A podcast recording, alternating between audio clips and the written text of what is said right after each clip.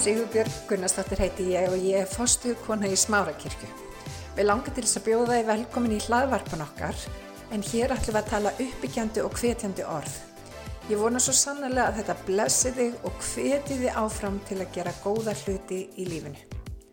Mér langar til þess að minnast á eina sérstakar sögu í reikningunni, þessu til staðfestingar. Og það er sagan um Abraham. Þið muni hann hétt Abram. Og Guð talaði við hann og við skulum bara byrja því að fara þangað í fyrstu Mósebók í 17. kapla í 5. vessi. Hann segir, eigi skallt þú lengur nefnast Abram, heldur skallt þú Abraham heita. Því að ég geri þig að ættföður fjölda þjóða. Ég mun gera þig mjög frjósaman og láta af þér koma marga þjóðir og út af þér skulu konungar koma. Ótrúlega falli orð. En svo ofbúslega langt frá raunveruleikunni sem að Abraham var að upplifa á þessum tíma. Hann var á þessum tíma komin á aldur. Konarnas líka og þau hefur reynd og reynd og reynd að egnast afkomendur og það gekk ekki. En erum áður enn, við sjáum okkur sem föður margra þjóða.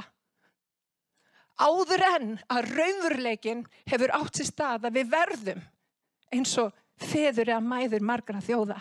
Þá gerum við hvað? Hann talar út. Og hann talar út raunveruleika yfir líf Abrahams sem Abraham sá ekki sjálfur. Og það er einmitt það sem að Guð gerir þegar hann talar orðsitt, hann býr til nýjan raunveruleika fyrir líf okkar. Hann sá Abraham sem föður margra þjóða áður en Abraham var fadir margra þjóða. Og það sama gildur um þig og mig. Hann sér möguleika innan með okkur áður en við í rauninni stígum fram í þau. Fram í þessa möguleika.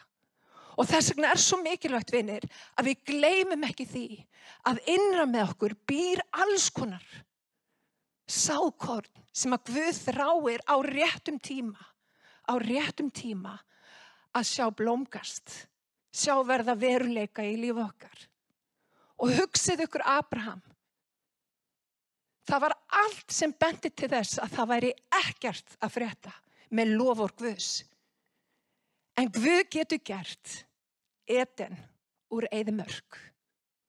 Guð getur snúfið högum þínum mitt í þinni, í þínum dal. Það er kraftur Guðs.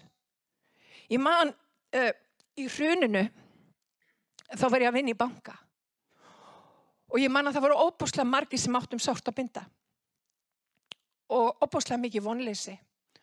Og ég var að vinna í banku, ég var að taka við fólki, taka móti fólki okkur með einasta degi sem var einhvern veginn að missa allt. Og mjög margir voru að nýta sér þessa leið uh, greiðslu aðlugunar. Og sem bara fínt, mjög gott. En ég man að bæði ríkistjórnin og, og svona alþjóðastofnarnir voru alltaf að gefa út eitthvað svona, eitthvað áallanir fyrir framtíðina. Og það var sagt, það mun taka okkur 20 ár að komast á þann stað sem við erum, sem við vorum á, á fyrir hrunið. Það gerði engin ráð fyrir því að mitt í þessari óreiðu þá var eitthvað að gerast gagvart bara nafninu Íslandi. Við vorum alltaf styrkja okkur í sessi og hvað gerðist svo? Við þekkjum það öll. Það fór að streyma til okkar. Það fór að streyma til okkar ferðamenn. Og eins og hendi væri veifað. Þá breytust allar fórsendur. Og allt í hennu var fólk sem átti ekki eignir eða týndi eignum. Það allt í hennu eignaðist eignir aftur. Og fólk fór að styrkja sig í sessi. Og ég þekki mjög marga sem að mistu hluti í hruninu sem að eru bara í fínum málum í dag eins og hendi væri veifað. Vinni svona vinnu drottin. Og ég hugsa oft til þess hvað Geir Há Horti fekk mikið bátt fyrir að segja Guð blessi Ísland. Vinnir, ef að Guð hefur ekki blessað Ísland, þá veit ég bara ekki hvað blessun er. Guð svo sannarlega blessaði Ísland. Eins og hendi væri veifað, þá breytist forsendur og allt hennu fór Ísland að vera eins og eten.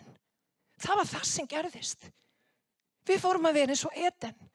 Og vinir, við þurfum að vænta þess, hafa væntingar til þess að Guð láti hlutina blómgast í líf okkar. Okkur er ekki ætlað að búa í dalnum. Guð vil breyta dalnum okkar í lifandi etin til þess að gefa okkur að eta og öllum þeim sem er í kringum okkur. Það er viljið Guðs fyrir okkar líf. Þannig að við eins og hendi væri veifað. Þá breytust forsendur á Íslandi og allt í hennu fórum við að sjá hagvöxt sem við hefum ekki séð áður. Því að Guð er meiri, Guð er stærri. Í Efesus þá stendur áðurinn grunnur heimsins var lagður útvaldi hann oss í Kristi.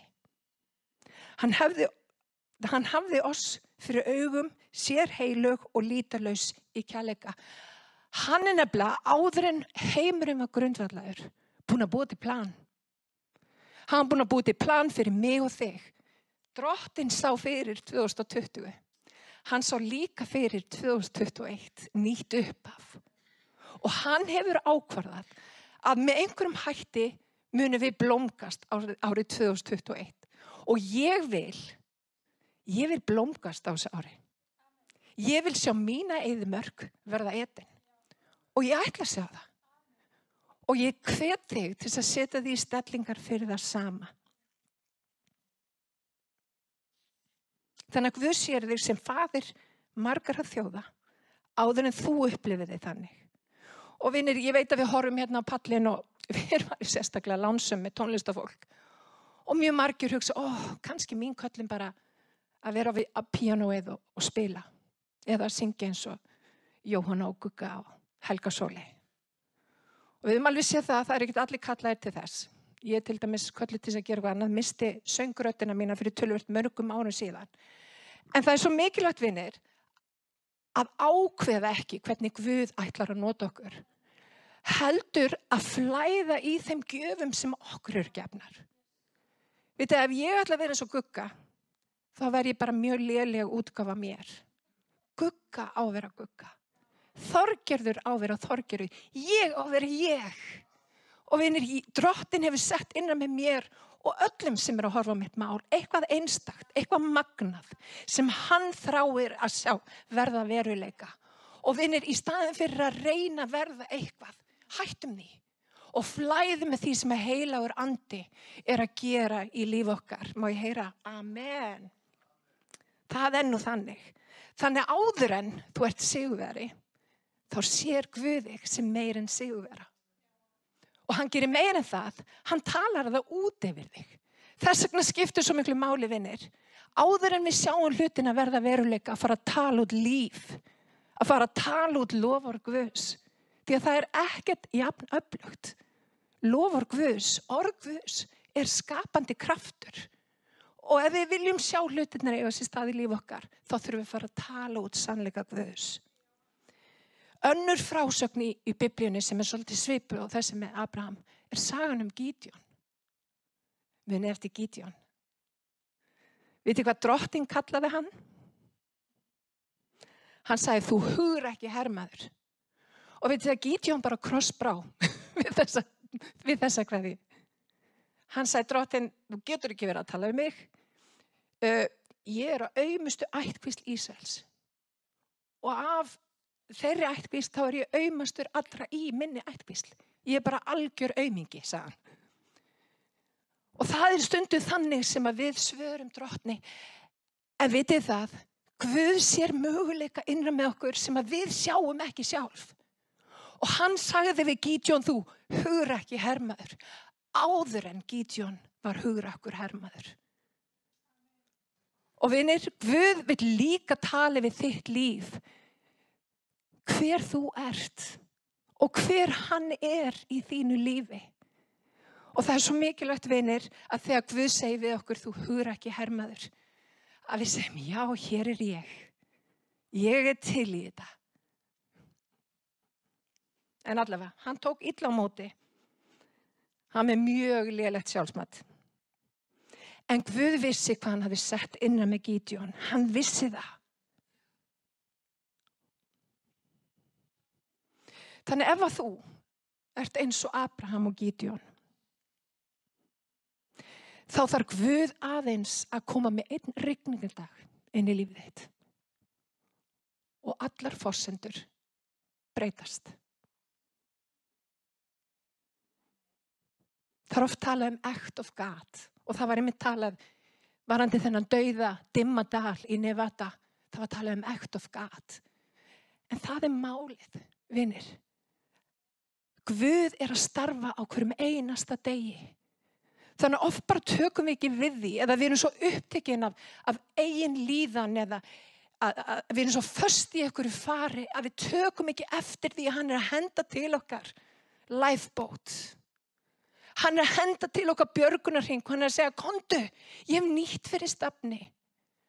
Og vinnir þegar Guð er að kalla okkur út á vatni til sín og hann er að segja, kondu, kondu að við höldum ekki svo fast í einhverja erfileika eða, eða hlutir eins og þið voru eða við erum svo ákveðni því hvernig Guð á að virka að við tökum ekki við honum.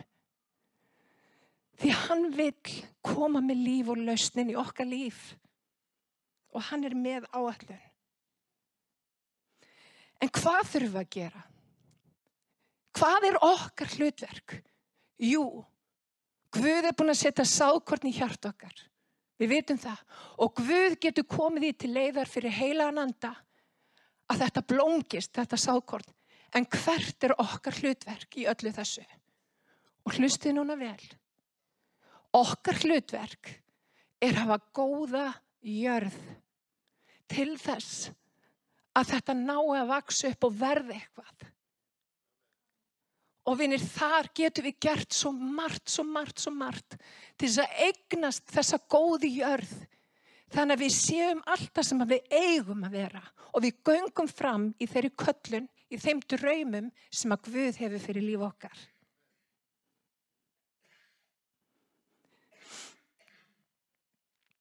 Hvað þýðir að vera með góða jörð? Mér langar að nefna tvö atriði sem er mikilvægt fyrir okkur að tilenga okkur til þess að við séum með þessa góðu jörð. Þannig við fáum þannig ávöxt í líf okkar sem við eigum að vera að, að bera. Númer eitt, þá er það auðmjögt. Vitið það, biblían talar um að við stendur gegn drámblátum en auðmjögum veitir að náð. Hann veitir auðmjögum velvild, hann veitir auðmjögum náð og oft í gegnum tíðina þá er ekkert endilega þægilegt að tilenga okkur auðmygt. Auðmygt getur komið inn í líf okkar með margvíslegum hætti og mér langar kannski að fara aðeins í það hvernig Guð og hvaða aðferðið Guð notar til þess að gefa okkur þessa auðmygt. Og fyrsta atrið sem ég langar til þess að nefna í því sambandi það er lestur orðsins Ég get alveg sagt ykkur það að það er ekki hægt að lesa orðskviðina á þess að staldra við og vita það að það er eitthvað breyting sem þarf að eiga sér stað innan með okkur. Guð auðmikið okkur þegar við lesum orðhans. Allt í henni setur hann hluti í samengi og við allt í henni bara já, bytun og við, hmm, hmm, er ekki alveg þar. En við til það auðmikið Guð, hún er aldrei vond. Við bara finnum að hann, hann svona hann kemur með eitthvað svona kvartningu og auðmygt þannig að við viljum verða betri. Þannig starfar hann.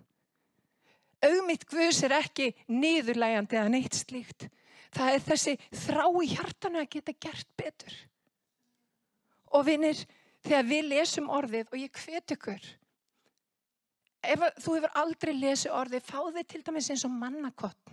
Þau eru svo yndisleg og getur verið svo mikið kvartning í lífinu og þetta getur verið svo mikið fyrsta skref í það að, að leita Guðs í gegnum orðhans. Svo er hægt að lesa í kringum um, versi sem við, fengum, sem við dróum og svo framvegs. Leifum orði Guðs að færa þessa auðmygt í hjart okkar sem hann þráir. Númið tvö, atriði númið tvö sem að Guð notar, það er andisinn. Og vitið það, ég er, það mætti halda að ég væri alltaf grátandi.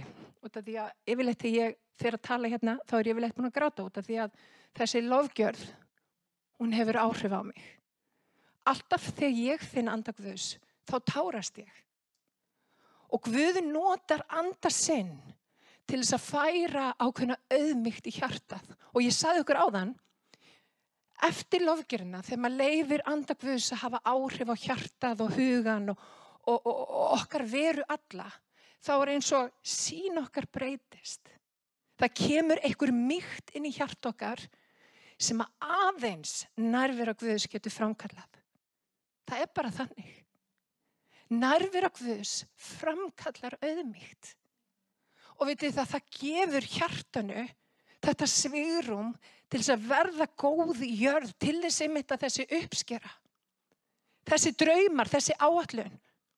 Og vitið það, Guð hefur ákveðna uppskeru fyrir 2021. Hann er með uppskeru og hann, hann vill sjá ákveðna hluti verða veruleika í þínu og mínu lífi. En til þess að komast hanga þá þurfum við að passa hjart okkar. Hjartað er uppspretta alls. Og vitið það, það er annað mesta, það er hérna á eftir Guð, eða hvort það var Jésu, allavega, skiptir kannski ekki öllu máli, en þetta er, þetta er, þetta er eitt annað hérna, mest notaða orðið í biblíunni, það er hjarta. Þannig að Guð vil segja okkur að hjartað skiptir svo opbúslega miklu máli og við þurfum að varveita það. Við þurfum að varveita það og við þurfum að leifa andagvöðs að hafa áhrif á það. Við þurfum að leifa orðigvöðs að hafa áhrif á það. Þriðja leiðin sem að Guð notar til að færa auðmygt í líf okkar, hún er öllu óþægilegri. Það er annað fólk. Hver hefur ekki verið þar? en Guð notar fólk. Og stundum er sá sásöki eða svo auðmygt, hún er erfið. En vitið það, allur, öll auðmygt er þess eðlis að hún breytir okkur. Hún dýfkar okkur. Hún gerur okkur kleift að setja okkur til dæmis í spór annara. Ég veit allavega, ég er ekki samamanniskennu í dag og ég var bara fyrir 10-15 ári síðan.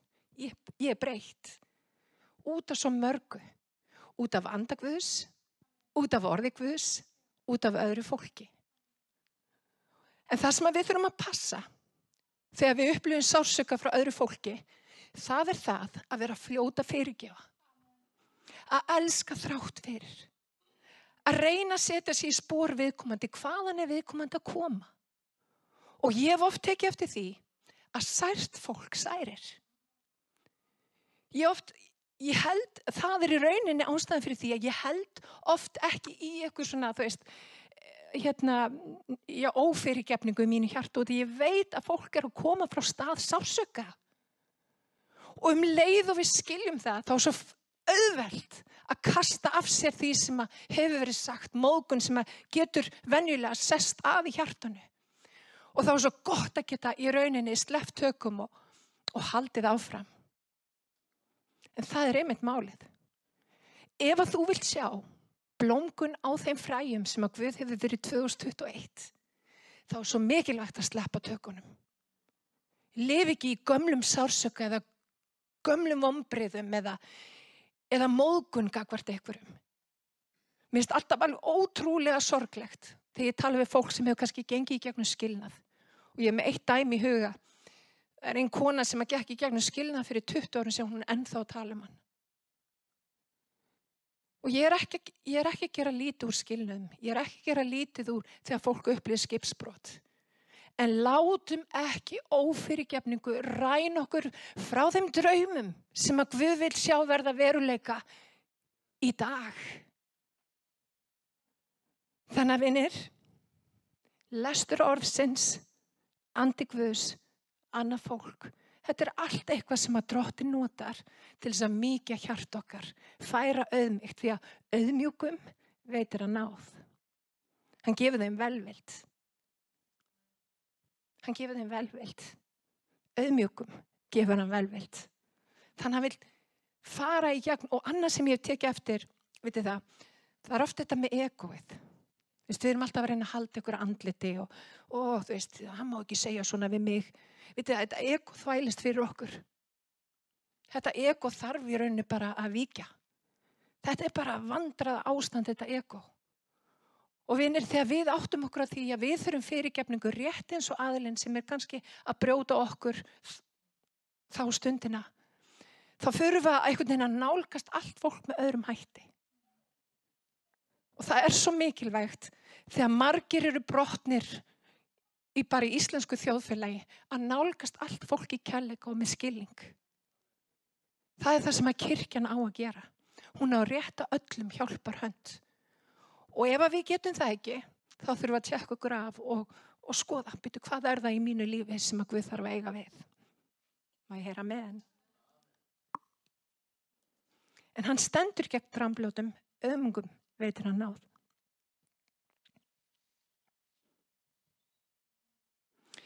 Annar eiginleiki sem að Guð notar, eða Guð þráir að sjá í líf okkar, það er opið hjarta. Og ég veit ekki ykkur en ég er rosalega mikið vanamanniska. Þú veist, ég fer í sama hólfið í rættinni og þið vitið, ég lappa og ég fer yfirleitt í sama tækið í rættinni, fer síðan í þetta, þú veist, það er allt einhvern veginn í einhverjum, í einhverjum föstum skorðum. En við til þess að við sjáum starri myndina sem að Guð hefur fyrir okkur, þá þurfum við að opna hjart okkar. Við þurfum að stækka það ekki satt. Og hvernig stækku við hjart okkar? Við elskum bara meira. Og önnu leið er að fara út fyrir þægindaramann sinn. Ég er búin að segja það. Ég ætla út fyrir þægindaramann minni á þessu ári. Ég ætla að fara í annað tæki í rættinni. Ég ætla að meina það. En allavega, það sem við þurfum að gera, og ofta er þetta þannig, við erum að gera sömu hlutina aftur og aftur og aftur og við væntum annara niðurstöðu.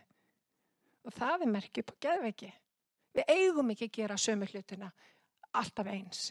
Því hann hefur nýtt fyrir stafni. Og vinir þegar Guð hefur nýtt fyrir stafni, þá er svo mikilvægt fyrir okkur að heyri ekki bara það sem hann ætlar að gera, heldur að fara á eftir því. Við þurfum að stækka hjart okkar. Og við þið það, það er challenge fyrir mig að vera ekki í mínum þægendaramma. Það er challenge fyrir mig að stíga út fyrir minn ramma. En árið 2021, þá ætla ég og ég hveti ykkur öll eitt og sérkvært til þess að stíga út úr ykkar þægendaramma og sjá hvaða frábæru áallun Guð hefur fyrir utan ramman. Ekkit að menn. Það er allir bara, nei, ég ætla ekki út fyrir það eindaramann. En veitir það, ég, ég skora á ykkur. Ef að þið hefði gert hlutina með ykkur um ákveðum hætti, prófið að breyta til. Prófið að sjá hvað Guð hefur fyrir ykkur þegar þið breytið til. Og ég og Haldur, ég og Alli og fleiri, við ætlum að breyta til. Veitir það, kirkja as usual er bara ekki málið. Hún er svo mikið að breytast. Þess vegna þurfum við líka að breytast. Hvernig getum við nálgast fólk? Hvernig get ég verið lækningin í þitt líf? Hvernig get ég í rauninni gert það sem að Guð hefur lagt á mitt hjálta þannig að þú takkir á móti? Og við, við þurfum bara að finna nýjar leiðir. Við þurfum að nálgast hlutina með nýjum hætti. Aðferðafræðin er í rauninni ekki heilug. Orgviðs er heilagt. Jésús er heilagur. Aðfyrrafræðin okkar þarf að taka breytingum ekki satt. Þannig að vinir, á þessu ári, þá skora ég ykkur að tilengu ykkur þetta tvent. Auðmygt í hjartanu sem að kemur í gegnum orðhans, kemur í gegnum andahans, kemur í gegnum annað fólk. Að móðgast ekki að vera fljóta fyrirgefa að sleppa tökunum á fortíðinni Út af fortíðin á heima nákvæmlega þar í fortíðinni. En að taka fagnandi á móti framtíðinu með opnu hjarta. Tilbúin að upplifa eitthvað nýtt sem að Guð hefur fyrir okkur. Og sjá hvernig við getum blómstrað mitt í faraldri. Þegar hann breytir okkar eigðimörk. Þegar hann breytir okkar dimmadal í etin. Má ég heyra amen? Amen. Það er það sem við ætlum að gera þessu ári. Og mér langar til að skora okkur að fara út fyrir ramman í þessu nafni. Ég ætla ekki að tala lengur í dag en mér langar til að byggja stuttabæn. Drottin, ég kem fram fyrir þig. Ég þakka þér fyrir lífið sem er í orðið þínu. Ég þakka þér að þú hefur sett sáðkorn innan með einum og sérkverjum. Fyrir grundföllum veraldar þá þekktur okkur og þú hafði mert 2021 fyrir einhvers konar blómgun í okkar lífi. Drottin gef okkur náð til þess að passa upp á jarðvegin okkar, hjartað okkar. Þannig að það geti vaksið, þessi sákurt geti vaksið þegar rétti tímin er. Drottin gef okkur náð til þess að hafa auðmygt og opið hjarta. Og drottin ég bara byggð fyrir þeim sem að eigum sárt að binda, hafa upplega erfileika eða sársöka eða, eða eitthvað slíkt drottin minn og get ekki hrista af sér. Viltu gefa þeim náð til þess að fyrirgefa og sleppa tökunum. Fyrirgefning hefur í rauninni ekkert með þann sem að þú ert að fyrirgefa, hefur allt með þig að gera. Það er leiðgvöðs til frelsis fyrir þig. Og drottin ég byggð að við mættum ekki bara vera með möguleika inn í líf okkar. Ekki bara möguleika, heldur að við mættum sjá allt það sem að þú hefur sett í hjart okkar verða veruleika. Og drottin í dag ætla ég ekki að staldra við það sem var. Ég ætla að horfa með eftirvæntingu fram veginn og byggð að þú, drottin, gerir þið dýrlegan. Og ég byggð fyrir einum og sérkverum sem er að horfa í dag. Í Jésu nafni. Amen. Ef að þú vinnur, þekkir ekki Jésu. Og þú skilur ekki alveg, ég fatt ekki fórsendunnar sem hún er að gefa sér. Viti það, Jésu breytir öllu. Þegar þú tekur við Jésu í hjartað, þá breytist allt. Hann fyrir allt í hún að verka í þér að vilja og framkoma sér til velþoknunar, kennir reytningin. Þannig ef þú hefur ekki tekið við honum, þá hveti ég til að gera það í dag og það er bara ein lítil bæn. Mér langar til að byggja þessa bæn og ég byrðum að hafa hana eftir mér. Kæri Jésús, ég byrðum að koma inn í hjarta mitt í dag. Ég byrðum að fyrirgeða mér sér hverja send. Ég byrðum að fylla mig á þínum heila anda. Ég byrðum að ganga með mig hvern einasta dag. Og ég byrðum að vera með mér. Ég þakka þér að ég nú þitt barn í Jésu heila nafni. Amen og amen. Amen. Drottin bless ykkur og varfið ykkur í Jésu nafni. Ég hveti til þess að stilla inn á okkur með reglum hætti því að hér verður alltaf eitthvað nýtt á nálinni. Takk fyrir að hlusta.